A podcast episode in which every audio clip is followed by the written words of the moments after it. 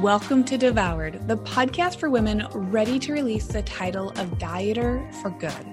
I'm your host, Lucia Hawley, and I'm a certified nutritional therapy practitioner with my master's in social work, clinical mental health.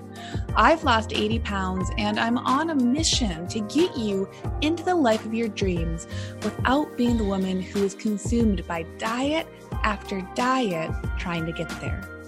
If you're wanting more in your life and are tired of wondering when or how to make that happen, then this is a podcast for you. You'll learn how to make the radical changes you've only dreamed of 100% possible for you today. I'm so happy you're here.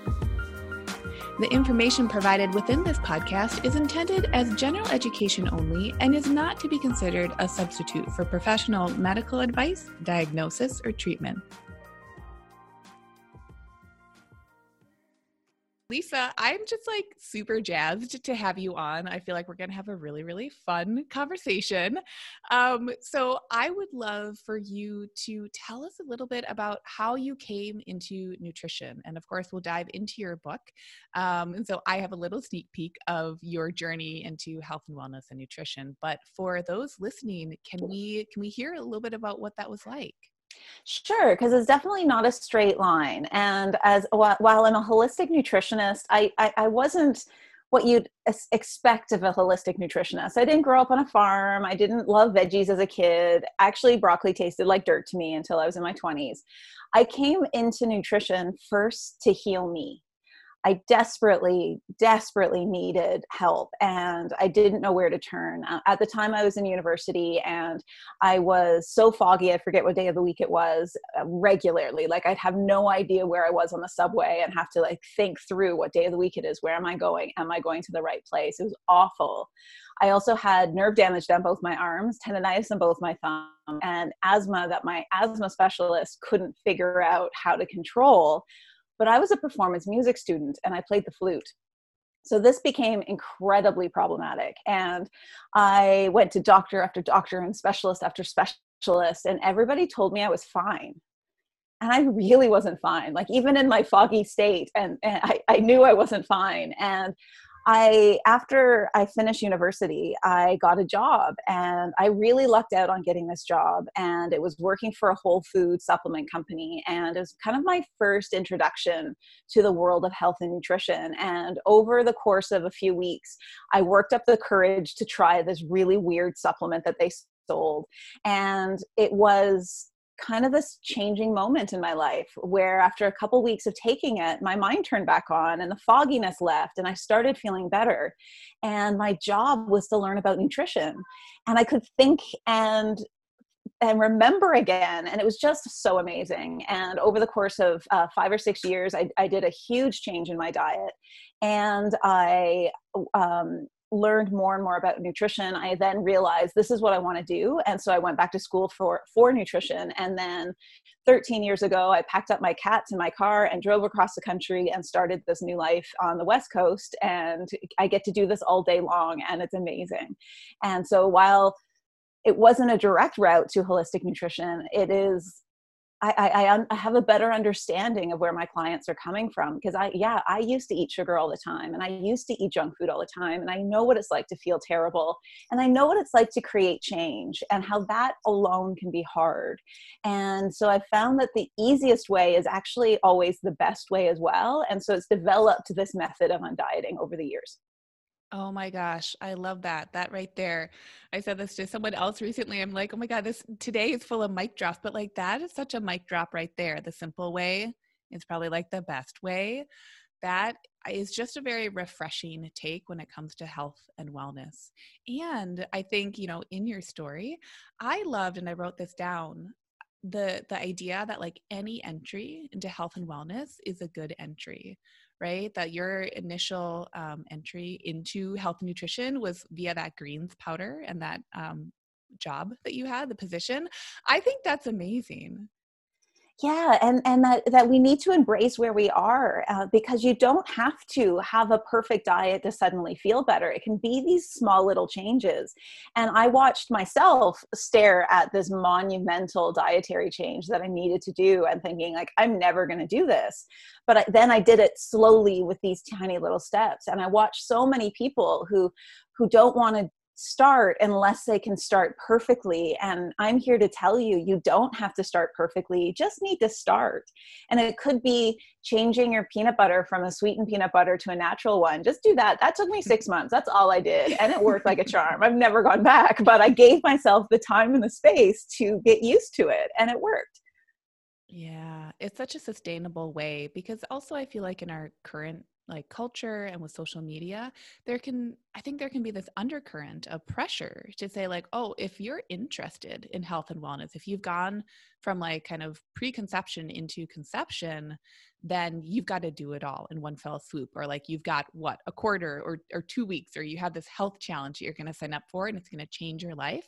So i love this approach that you have with undieting which i'm going to ask you to define in a moment where it's really saying like let's let's slow the roll. Not because the roll is bad but because like we can really support ourselves in the long term if we just slow down and can like metabolize this information as a human instead of putting the pressure on to do it in any other way Absolutely. And I've watched so many people who go on on very restrictive diets and that can be due to a healing journey like they're trying to fix something and this is the, the way that they've been told to do it or their naturopath or health practitioner has said, "Okay, you need to go on a prescribed diet plan.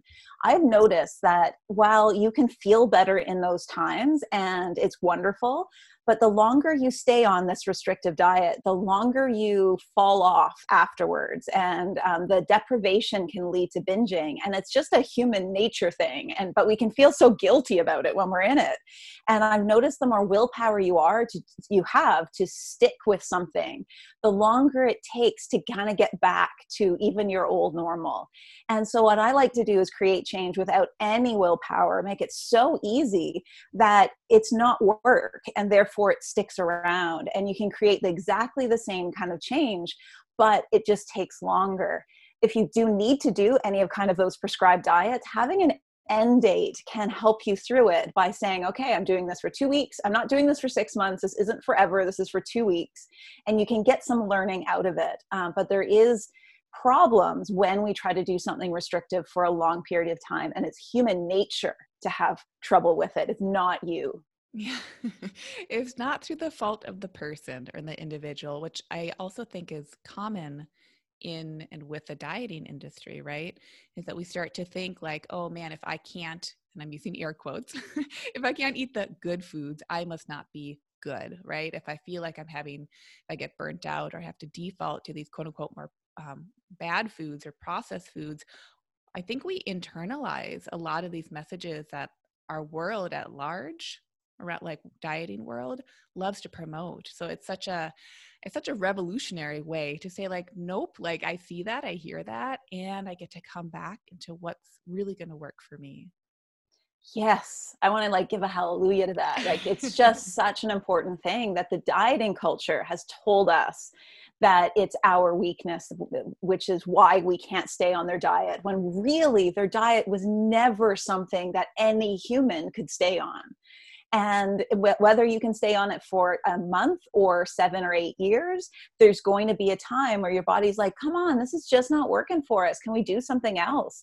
And that's all it is, is your body saying, hey, we need to do something else. But the guilt we feel it's awful and the dieting culture and the dieting industry really supports this guilt as a means to get you back on in quotations whatever they're wanting you to do. And it's just like, come on, our body is our best friend, our body is our best ally, and it just wants balance. And so when it's trying to pull us away from these restrictive diets, it's doing it for balance, even if it doesn't feel that way at the moment. And when we embrace what our body is trying to tell us and learn the language of it, we can just say no to all that di- all those diets because we can feel good eating the way that our body wants and it's just it's so much nicer and it and it works so much better So, okay, can you offer us uh, like your definition of the term undieting? Because your book is called Undieting Freedom from the Bewildering World of Fad Diets. So, I'd love to hear you tell us a little bit about that term.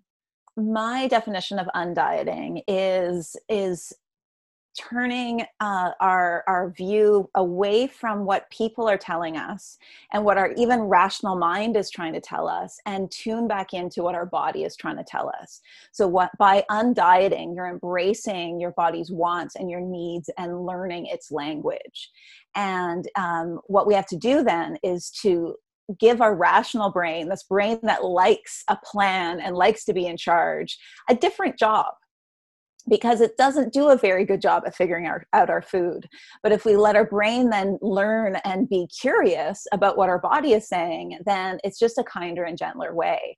And our body will always win. And that is embraced in undieting.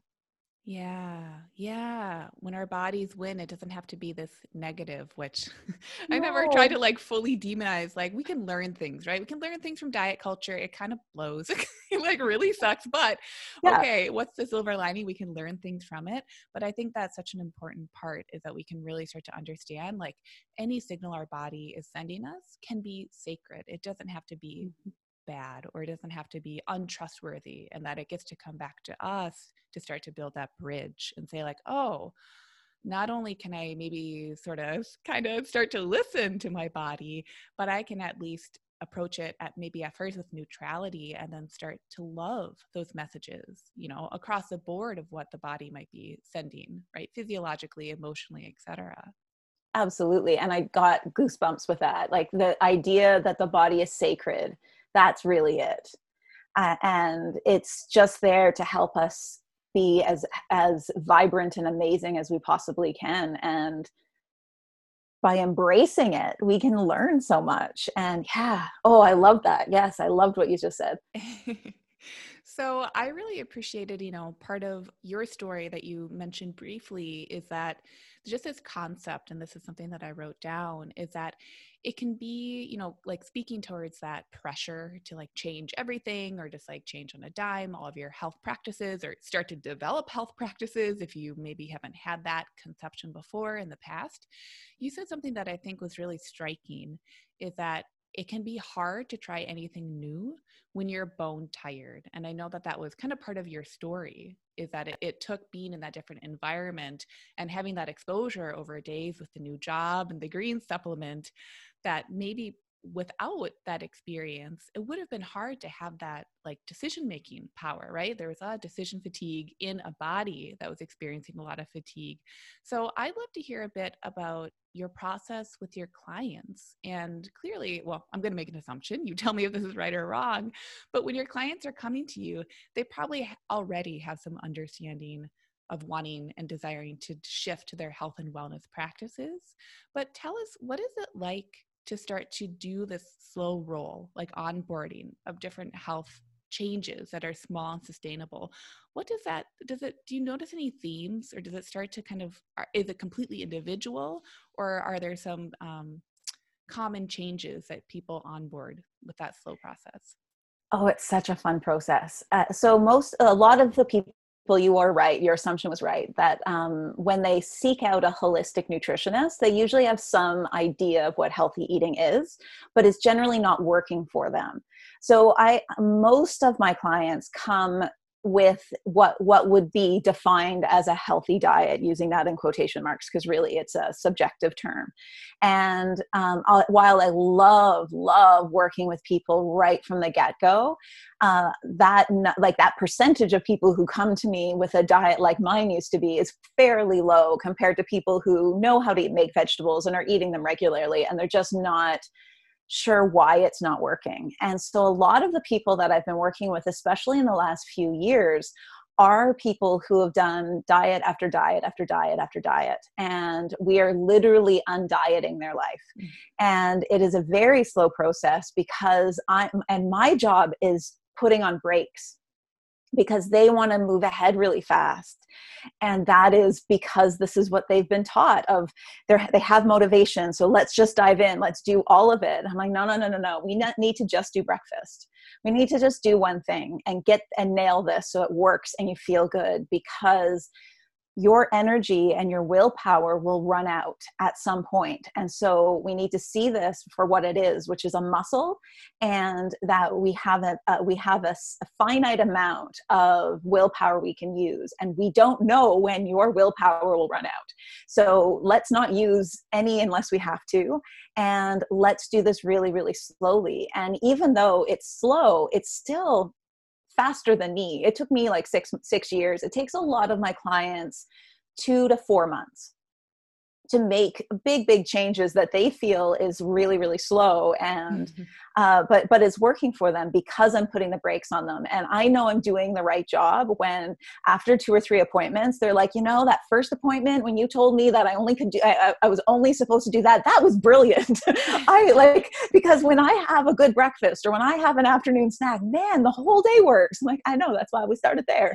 And, and, it's really fun um, because a lot of what i do isn't isn't balancing nutrition per se. Like most most people have like sometimes i see a nutrient deficiency here or there but a lot of the times it's that what they're eating isn't quite working for them. Like either right now carbohydrates are just out of fashion. We're, we're told that they cause weight gain which is completely untrue. Um, sugar can um, refined carbohydrates, but like starchy carbs, like um, sweet potatoes and potatoes, can for some constitutions give balance, create some balance. And so when I have somebody who's on a high protein, low carb diet and they're cr- desperately craving co- uh, cookies all the time, and they think they're coming to me asking me, How do I stop eating cookies? Uh, this is the right diet, right? I just need to eat cookies. I'm like, no, no, no, you need some potatoes. and that will help calm down those cravings. This is what your, your body is saying. So a lot of what I'm doing is helping them learn the language of their body by, by doing some experiments, by doing some trials. And um, over time, they get to learn themselves and they can transform in that way of instead of trying to bend their body into what should work they embrace what does work by embracing their body cues. Yeah, you're a body translator. yeah, I guess I kind of am. It's kind of my favorite thing. yeah. Well, and I love, you know, the, the concept of cravings too, because that can be such an, um, even like an emotionally charged word and term, like, oh, my cravings, or yeah, I, tend to crave really salty foods or really fatty foods, really sugary foods. I must be so bad that I can't resist the two o'clock, three o'clock you know cookie break or snack break or chocolate break so i absolutely adore and of course it's in your book as well your ability to break down specifically like kind of you know um, general types of cravings for specific foods, which I think is so important and really comes back to that ability to translate and say the craving is not holistically bad, right? Which is kind of what dieting world says like you should never have a craving, be a robot, like eat more protein if you do and go exactly. distract yourself. but you get to say like, well, let's embrace again coming back to this idea that we're always in relation with our bodies. So instead of saying let's throw the craving out, with the cookies, we get to say, well, what would be that really nourishing option Absolutely. And what I've found over, so I've been practicing nutrition for 13 years and I've worked with thousands of people at this point. I've learned that my favorite question in an initial appointment is, What do you crave? Good and bad. They tell me everything. And I always, because I, I, I work with a lot of perfectionists and they just want to tell me the good food they crave, I want to know the bad food too. And bad isn't totally in quotation marks because there's no bad food. And what, what comes out is um, frequently there'll be a lot of guilt around it so a, a pattern i hear a lot um, so well the two most common cravings i hear is chocolate which is frequently magnesium and then um, i also hear evening cravings or fast food cravings and those two are very emotionally charged and very guilt ridden and they usually come with this feeling of I can't, um, or I've been bad, or I'm too weak. And what almost every time. And honestly, I, I use the word almost because while I haven't seen somebody fall out of this category, I just assume we're as humans, not, we're not all the same. But this is so common that I have yet to see a single person fall out of this um, this this thing, which is when you have either evening cravings or big junk food cravings at certain times of the day, more times than not, they're because you didn't eat enough through the day. Not yes. because there's mm. something wrong with you. And it's very easy to not eat enough breakfast and it's really easy to limit your lunch. And that's what we're told on diets is to reduce, reduce, reduce. And there's this moment, either mid afternoon or in the evenings when you sit on the couch and you take a deep breath and you finally relax your body your body now comes in and says okay the cortisol's gone now it's time i'm hungry and you may have just eaten dinner and you're not you don't feel hungry but your body's like you have not fed me nearly enough. Let me remind you about the potato chips or the ice cream or what have you. Um, this is also common mid-afternoon um, and so i hear a lot from people who will uh, driving to run errands or coming home from work just pull into a fast food joint and they're eating a hamburger that was that doesn't even taste very good and they feel so bad about themselves. And honestly every single time it's because they skipped lunch. So but they mm. hadn't connected it. They feel that it's that it's their weakness when really it is simply that the body was hungry and it needed some food and this was available. And we need to like if we can be curious about our cravings instead of guilty about our cravings we can learn what is actually happening and therefore be able to find balance so it's no longer playing out.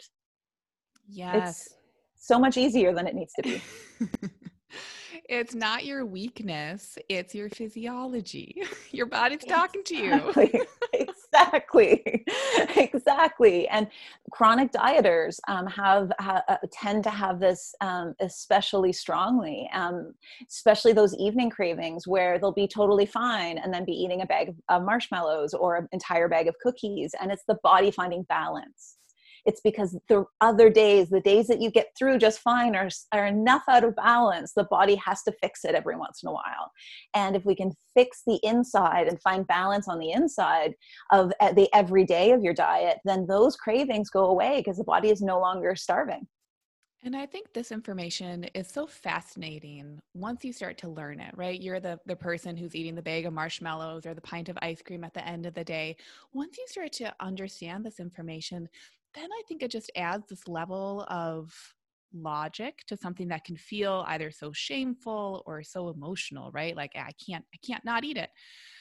It adds this level of um, just like rationality to those cravings to say again i keep i'm going to keep drilling the subject because i think it's just so important in this conversation of saying like man actually that bag of marshmallows even if i didn't feel so great after it because it was a hit of refined sugar and like whatever else we know about how the body functions how wonderful potentially which maybe that's going to hmm. trigger some people to hear that but like how wonderful that my body gave me that and it offered me that information and now i can you know metabolize those different experiences i had as you're starting to learn more about how our physiologies function. I just think that's so beautiful Absolutely. And when we can replace guilt with curiosity, we can get so much more information. And so, one of the things that I highly recommend uh, when you feel the, a craving is to follow it instead of denying. So, say all uh, uh, uh, say all you can think about is a piece of chocolate cake,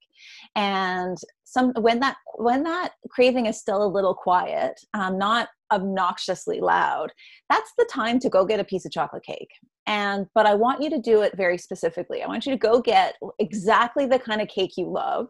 I want you to sit at the table. I want you to take a deep breath and relax and then take a bite and let it melt on your tongue and enjoy it. You can really really really enjoy it.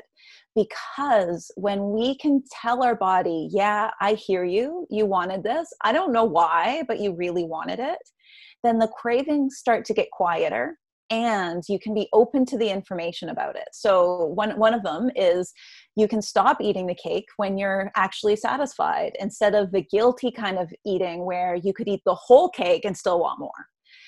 when we can be present to it, you might only eat the piece. You might only eat half the piece. Um, I love chocolate cake. Um, and so when I crave it, it's usually I'll be out for dinner and I'll share it with whoever I'm eating dinner with and because that's all I want. I want like three bites, and three bites are just glorious. But I don't feel well when I have the whole thing. And when we can be present with our cravings, you can um, be aware of that end because, and it's not, and and it's easier to say it's to end when you know you can have more tomorrow if you really want it one of uh, a, I had a, a conversation um, about a week or two ago um, with a woman who loves chocolate, and so we got into like where where are those chocolate cravings coming from? Um, there's there, magnesium deficiencies can can drive chocolate cravings because cocoa and dark chocolate's really high in magnesium, um, but sometimes it's also just enjoyable. And so, and I say this to so many different people: it's it's have chocolate in your house and have a square. Um, I've actually added dessert to breakfast on a regular basis um, because I have ch- I have sugar cravings, and I find that if I if I give my body that taste of sweet earlier in the day, it reduces them for the rest of the day because I'm not depriving myself. And healthier versions taste better. So I'll make a batch of black bean brownies, um, and the recipe's on my website. If you're thinking I want black bean brownies, they're the best thing I've ever had, and they're beans and cocoa, like they're so good for you. And I'll have half or one brownie with breakfast, and then not think about them again for the rest of the day.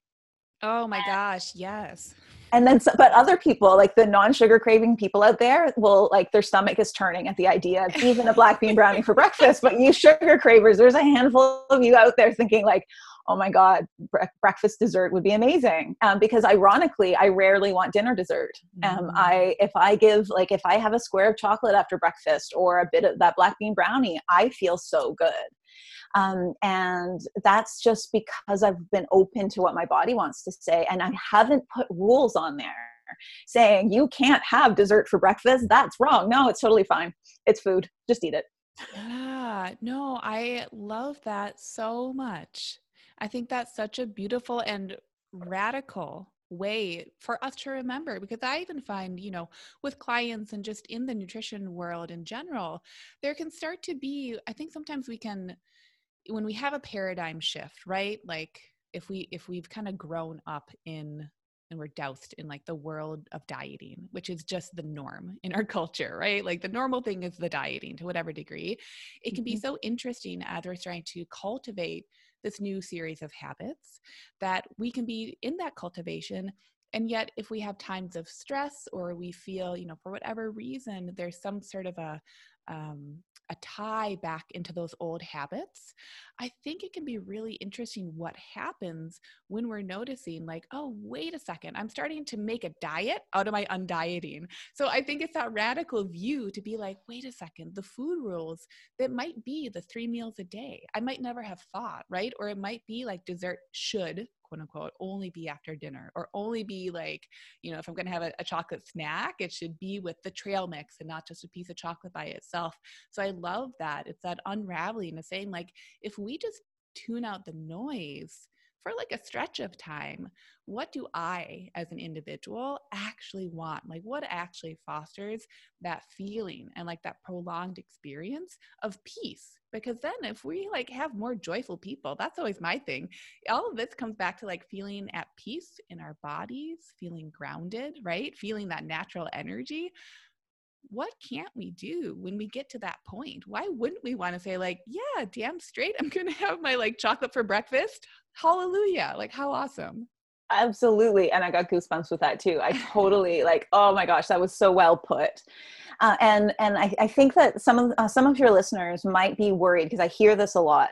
Well, Lisa, if I embraced all of my cravings, I just eat cookies and chocolate and potato chips all the time. And I have to say, no you won't. Uh, because when you don't when you stop denying your cravings and you embrace your cravings and you do it with curiosity and with presence you'll also notice that you don't need as much to feel satisfied and that a health like whole foods like fruits and vegetables and nuts seeds and beans and all those um, quote unquote healthy whole foods our bodies are more drawn to them than they are to potato chips and cookies.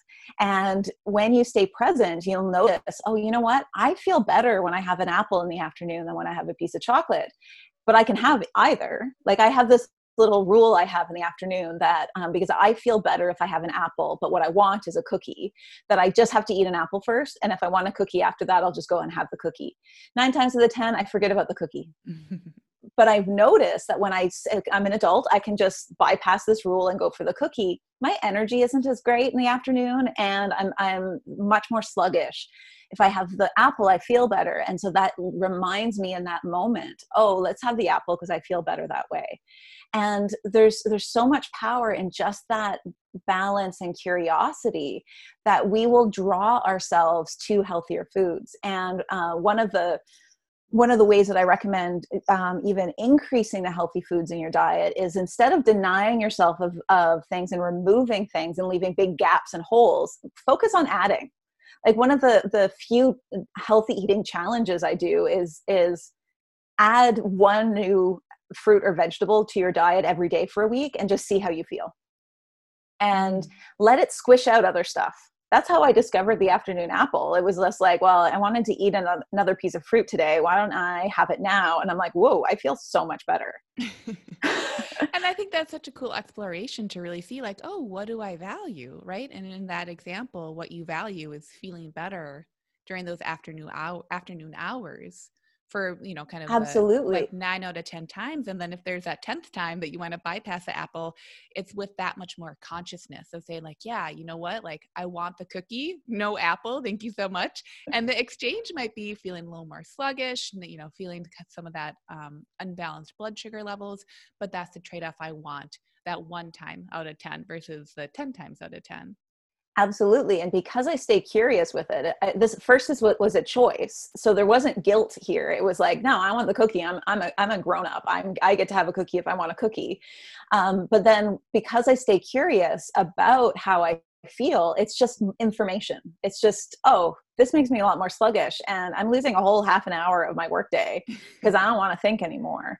Oh the lesson learned like tomorrow right. i'm going to go back for the apple because i i liked and i liked how it tasted even at this time of the day and it's just there's power in curiosity and there's power in not depriving yourself when you all when uh, i can eat chocolate cake every single day and because of that i don't Yes. Does that make drop. sense? Oh my gosh, it makes so much sense. Totally. Because it really shifts that perspective and the mindset from that scarcity into abundance. So if something is always there and readily available to us, I think it totally ties back into what you were saying earlier of saying like if it's not about less and less and less and less, I don't have to worry about those things that I've had to worry about potentially before because they weren't allowed or I could only have so much of X, Y, and Z or I had to make the healthy versions and not just have whatever I actually want to have. I think that's just again the term that I keep coming to is very grounding. It's very freeing. Mm-hmm absolutely. And the truth is is that by by categorizing categorizing food as good or bad doesn't make those good foods easier to eat. It makes the bad foods more powerful. Mm. and that's why in my world there are no good or bad foods. I can eat whatever i want but i know what i feel best eating. And so i tend to do that the most. And a lot of our food a lot of our dieting culture teaches us a fashionable way of eating um, I've been in the industry for over 20 years at this point, and I've noticed um, how quickly, or it takes it, the the fashion changes fairly slowly, so you don't necessarily notice it's fashionable. But if we go back into the 80s when fat was bad and carbs were good, people were losing weight on, on tons of carbs and no fat, and then but the refined sugars were causing diabetes and obesity problems. So then 20 years in, and the around the 2000s, it was like, oh wait, we were wrong, and Atkins comes in right at at that time high fat or high protein medium fat fat's fine and no carbs and we've been doing that for 20 years. Well that's about to change again.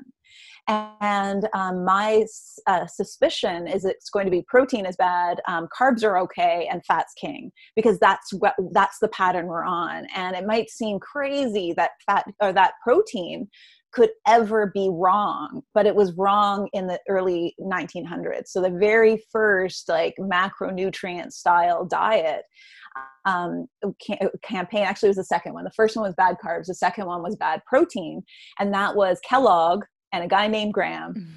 and they decided that our all of our social problems and our dietary problems, they actually like thought that we were badly behaved as well because of all of our protein intake and they brought out cereals and graham brought out his flour mixture to combat our high protein intake. So it's all fashion it will all change and just ignore it all. All macronutrients are good we just need to find the balance our body likes. Yeah, we get to come back to our own, and maybe it feels a little messy, but like our own messy middle of what really works for us. And I think I love that you bring up that example of the different macronutrients because for sure, and I, I, talk about this a lot with clients who feel a lot of pressure, you know, from either previous nutrition experiences or just, um, you know, like fitness communities at large to say like, oh, fat and carbs eh, have less of them, but you could never have enough protein, right? Like yep. stuff yourself with protein, and then whatever you want to eat after that will be almost like fixed. So I think it's so so smart to really say like, no, we let's let's bring back some moderation into just our conception of those three macronutrients so we can really then play around and like you say get curious about it yeah, because our every body needs to be fed a little differently. And I have a body that is very out of fashion in its way it likes to eat. Um, my body loves starchy car- carbs like sweet potatoes and potatoes, and it loves fat. So, like, um, butter slathered sweet potatoes roasted in the oven is the he- most heavenly healing food I could eat. And it's not fashionable at all. But I like to talk about it because then that way it can i, I want to normalize even something as extreme as what make what feels good for me because when we can start understanding that it might not be this protein with every meal kind of idea that's been so ingrained for the last 20 years that maybe there is another option. Um, I, I hear from my clients all the time, like the, when they're going through what they eat, they'll tell me I don't eat bread. And my, my question is always, why not? And they're like, because it's bad, right? I'm like, no, it's food. a good quality sourdough bread is healing food if you tolerate it and if it feels good. And they just like, I, I watch them, their face almost look dumbstruck when I do that. I'm like, it's, you can survive on sourdough bread and water like that's how healing this this food is. It's just out of fashion because grains are out of fashion um, because there's a bunch of health experts and i use that with quotation marks as well that are telling us this idea that they have that first that works for some people but it isn't a universal human experience. And we don't all need to be on these restrictive diets. And for some like my body i would be so unwell if i followed that advice. Mm, yes. That's what made me so well i mean i wasn't happy in the beginning of quarantine but seeing so many people jump on the sourdough bread train i was oh, like yes bring it. it. are we making our own bread and this is a trend? Like yeah. eat, that, eat that stuff up. Totally. Yeah nourishing. yeah and i and i loved how we all collectively went into our kitchens and started baking. I was a part of that. I i don't usually do a lot of baking and i was baking two or three times a week and finding new recipes and trying new things. And it was like we were collectively coming back to an old way of nourishing ourselves and and putting work into this. Because the truth is is here in north america we don't spend a lot of time cooking and we don't spend a lot of time eating. We try to eat as fast as we can. Mm. And in France, they don't actually spend much more time cooking, but they spend a, a lot more time eating. And they are, when it comes to preventable diseases, doing a lot better than we do. And if we started eating food we liked, because we don't do that very often here in North America. And then we enjoyed it and like really put some joy and pleasure in our meals. Like we, our bodies would find some balance. The best way to balance your portion sizes is to eat slower and in with presence, and your body will figure it out. Mm. Um, you don't need to measure anything. You just need to eat, chew, just chew your food really well. it's always like the least sexy advice, right? Like, how should I, how do I do portion control? Well, let's just have you chew your food. What?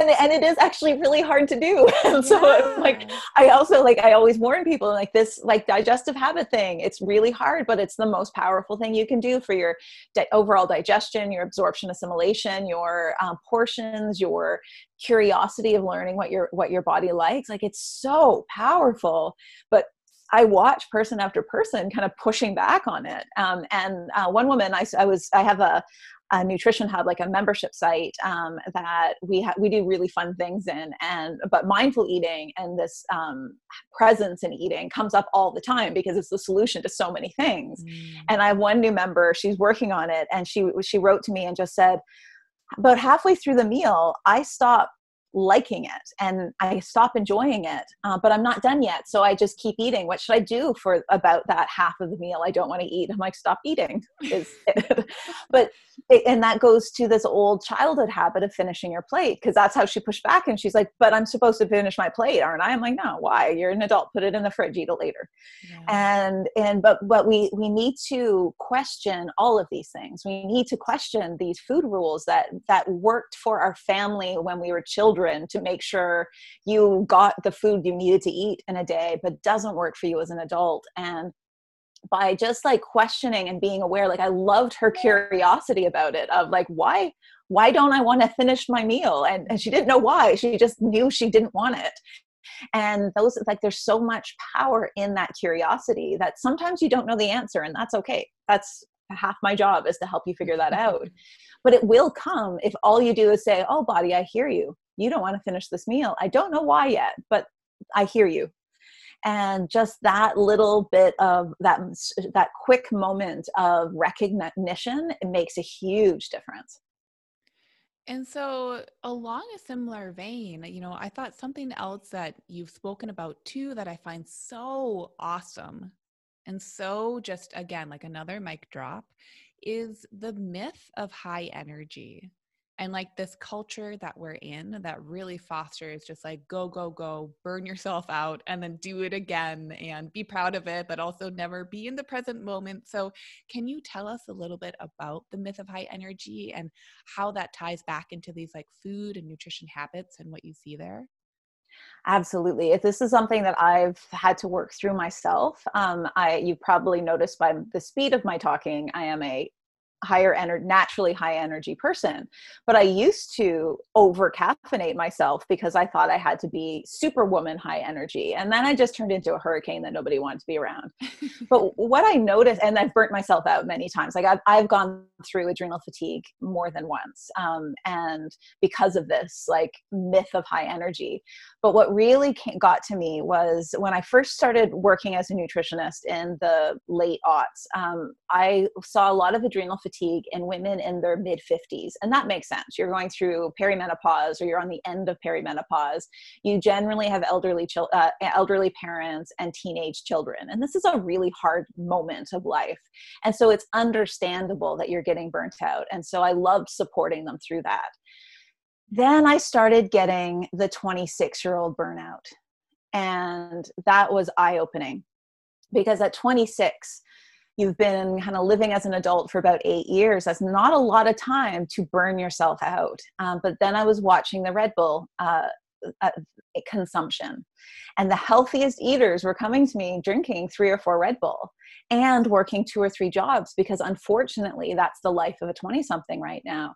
And there's just what what i was getting from them over and over again is that i need to be at 100% all day long and i need to be working 16 hours a day. There's no downtime. There's no rest.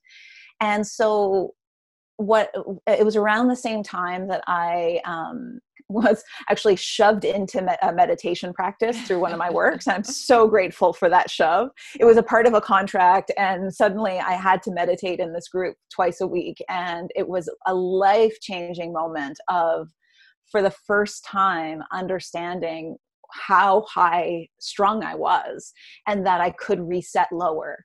And I, so, as in this moment that I was resetting my energy to a calmer state, I was watching these overstimulated 20 somethings in full, full on burnout um, over and over and over again. And it made me realize uh, that rest is one of the most powerful healing tools that we have.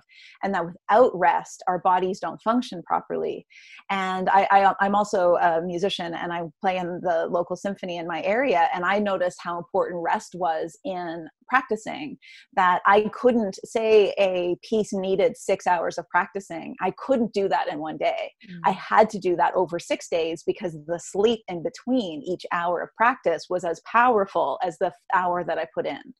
And so I've I've decided um, consciously to talk about rest as much as possible. And so I tell people, anybody who will listen about my na- my lunchtime naps, something that I might have like been almost a little shameful about, like, oh, sometimes after lunch I take a nap. Oops. It's like, no, no, no. I take a nap if I'm tired at noon because I feel better when I do it. And I have full weekends where I read trashy books and do nothing that's that's uh, that's uh, increasing my knowledge base. Um, I, I, I spent most of COVID reading rereading Harry Potter. Like that was like a conscious decision to say, I want to be resting. And we need to understand that our energy doesn't have to be at a 10 all the time. That if it gets too low, that's like when we overstimulate too much, then we can't stimulate anymore and we're set really low. And so I work with a lot of people in adrenal fatigue and adrenal burnout, getting them back into and, and to a more balanced state. But part of that is looking at your energy differently and saying, you know what, I can't be superwoman anymore. I need to find a, a, different balance. And when we can, when we can say, resting is as important as accomplishing, I think mm-hmm. as a mm. culture will be so much more powerful. Wow. Yes. You know, that's so interesting because I used to work um, with a lot of CrossFit athletes mm. of a broad yeah. spectrum, right? Beginner to intermediate to those who are starting to compete regionally and really, you know, uh, embrace an identity of becoming an athlete. And it was so interesting working with uh, handfuls of them across that spectrum. And as they were shifting from beginner to intermediate to potentially competing in competitions, etc., because some of them had a previous identity as an athlete in other sports and others didn't and I think what was so interesting is both what you're saying about general context of like in our culture, it's just it's go go go. It's burn your adrenals out and maybe deal with them later. But what's also so interesting is that that was one of the hardest things to drill in. Was saying like as your athleticism, right? As you work so damn hard, like how beautiful is that? As you work so hard to expand your athletic capacity, the way that we do that in the long term is that we expand your ability to recover and rest. So, excuse me, as that athleticism grows, so does that rest and recovery. And I think what was so pivotal too was recognizing, like, oh, as any adult or any person coming of age, that's actually a tool that I think most of us have to learn or unlearn because of our current culture, because it's just that norm that we're like bathed in of doing it all, being maybe type A or perfectionistic, feeling like we can juggle and, you know, balance all the plates, that we really get to say, like, okay, cool, I see that that's happening. And like you said, I'm going to go take my lunchtime nap because that makes me feel more like me. Thank you very much. Absolutely. And, and I think like, because athletes, they, they have to be doing this rest, that if we could incorporate it, just like you said, if we could incorporate it into our days, we would be more balanced. But I also think like I accomplished so much more with this this basic uh, the- philosophy of when I'm working, I'm really working, and when I'm not, I'm really not, and that my like perfect zone of working is like five six hours a day. It's not eight it's not ten. I'm self-employed so uh, my the amount of effort i put in is directly influences what my business does and i used to put in eight, 10 to 12 hours but i got half of what i get done now in mm. four four to five hours simply because i give myself that space to not be doing that high creative work. Um, I, I can just sit down and read some trashy book I love it. I love that too. Yeah. Or so, watch Gilmore Girls. That's the other way I relax. anything that brings us into that parasympathetic rest and digest mode, like that healing mode, yeah. all for it, right? Because even that can become so individual. And it, for, for any of us, one day it might be Gilmore Girls, or the other day it might be a trashy novel. The next day it might be going for a walk. And the day after that, it might be a combination of all three. It's just, it, it varies, just like our own proclivities. Absolutely. And one of the things that I, I, I find amazing, amazing, amazing is that when it comes to money, we are always considering saving that that as an adult your job is to live below your means so you have money to put away for a rainy day but then we spend our energy like like we spend every dime every day and we have none left over. And then we expect us to have energy in 20 years like just like if we want to retire if we if we spend every dime we have every day we have no money to retire but we're doing that with our energy. And isn't our body's health more important than our money? And and simply by giving yourself that what you said that space for the parasympathetic nervous system then our body can recover and it can it's spending time in that that savings account zone of of recovering and um, building up again and it, it's so important. Oh yes it's like deciding that a shopping spree is a more more intermittent shopping sprees with our energy. Yeah it's it's totally okay to have a day or two where you're like go go go all day long but it's not okay when that's seven days a week and it does mm-hmm. seem like our culture right now sees that as being accomplished and i would like to change that that my saturday afternoon is very accomplishing. My saturday, saturday afternoon nap is the yes. most accomplishing thing i do. Okay so here's a question. I have a few questions that i ask everyone who comes on here. So kind of dovetailing into that what is your idea of health? My idea of health. Oh i love that. It's you know when you when you eat something you really love and your whole body lights up? My mm-hmm. idea of health is to know what lights you up and to embrace it embrace it every day. So you have these moments that you just like wow i love doing that and light you up and i love eating that it lights you up and that we really we feel good and and that brings also joy to our life. And when we all are kind of embracing that joyful happy pleasurable place like imagine what our life would be. Imagine what a conversation with somebody would be like if if you both feel joy and pleasure regularly. Um, yeah that's health. That's health to me. Yeah and i think that's so pivotal too like in these times with 2020 and just all the different lessons we're learning and experiencing experiences we're having that ability to really innately foster joy mm-hmm. is just yeah. how profound is that and we need it right now. Like, we this is the year we need joy. if there's any other year, this is the year. Yeah. So, okay. So, my second question then is what is your idea of happiness? Oh, my idea of happiness, for me, it's really simple. It's uh, being in nature or being near water, even better, um, being around my animals and just having a quiet moment, like being present is happiness mm-hmm. and yeah i don't need much. I'm pretty simple um, but it's just like when i'm somewhere pretty and when i'm around things i love like my partner or my animals like that's that's an easy route to happiness to me. Yes. I love that. And then okay so last question what is your favorite word? Oh i don't know it's always the, the trickiest question. oh, I love it though. Um, words I use often is powerful mm-hmm. and joyous and pleasurable. So I guess the, I like those words. But I think like if I had a word that was like what I strive for every day, it would be freedom. Like freedom. A lot of my decisions are made around freedom. So I, I, I guess that might be my favorite word. Yeah, something you really value. Yeah. Wow. Ah, oh, all, I mean, all of that is very powerful and very freeing. Yeah. Full circle.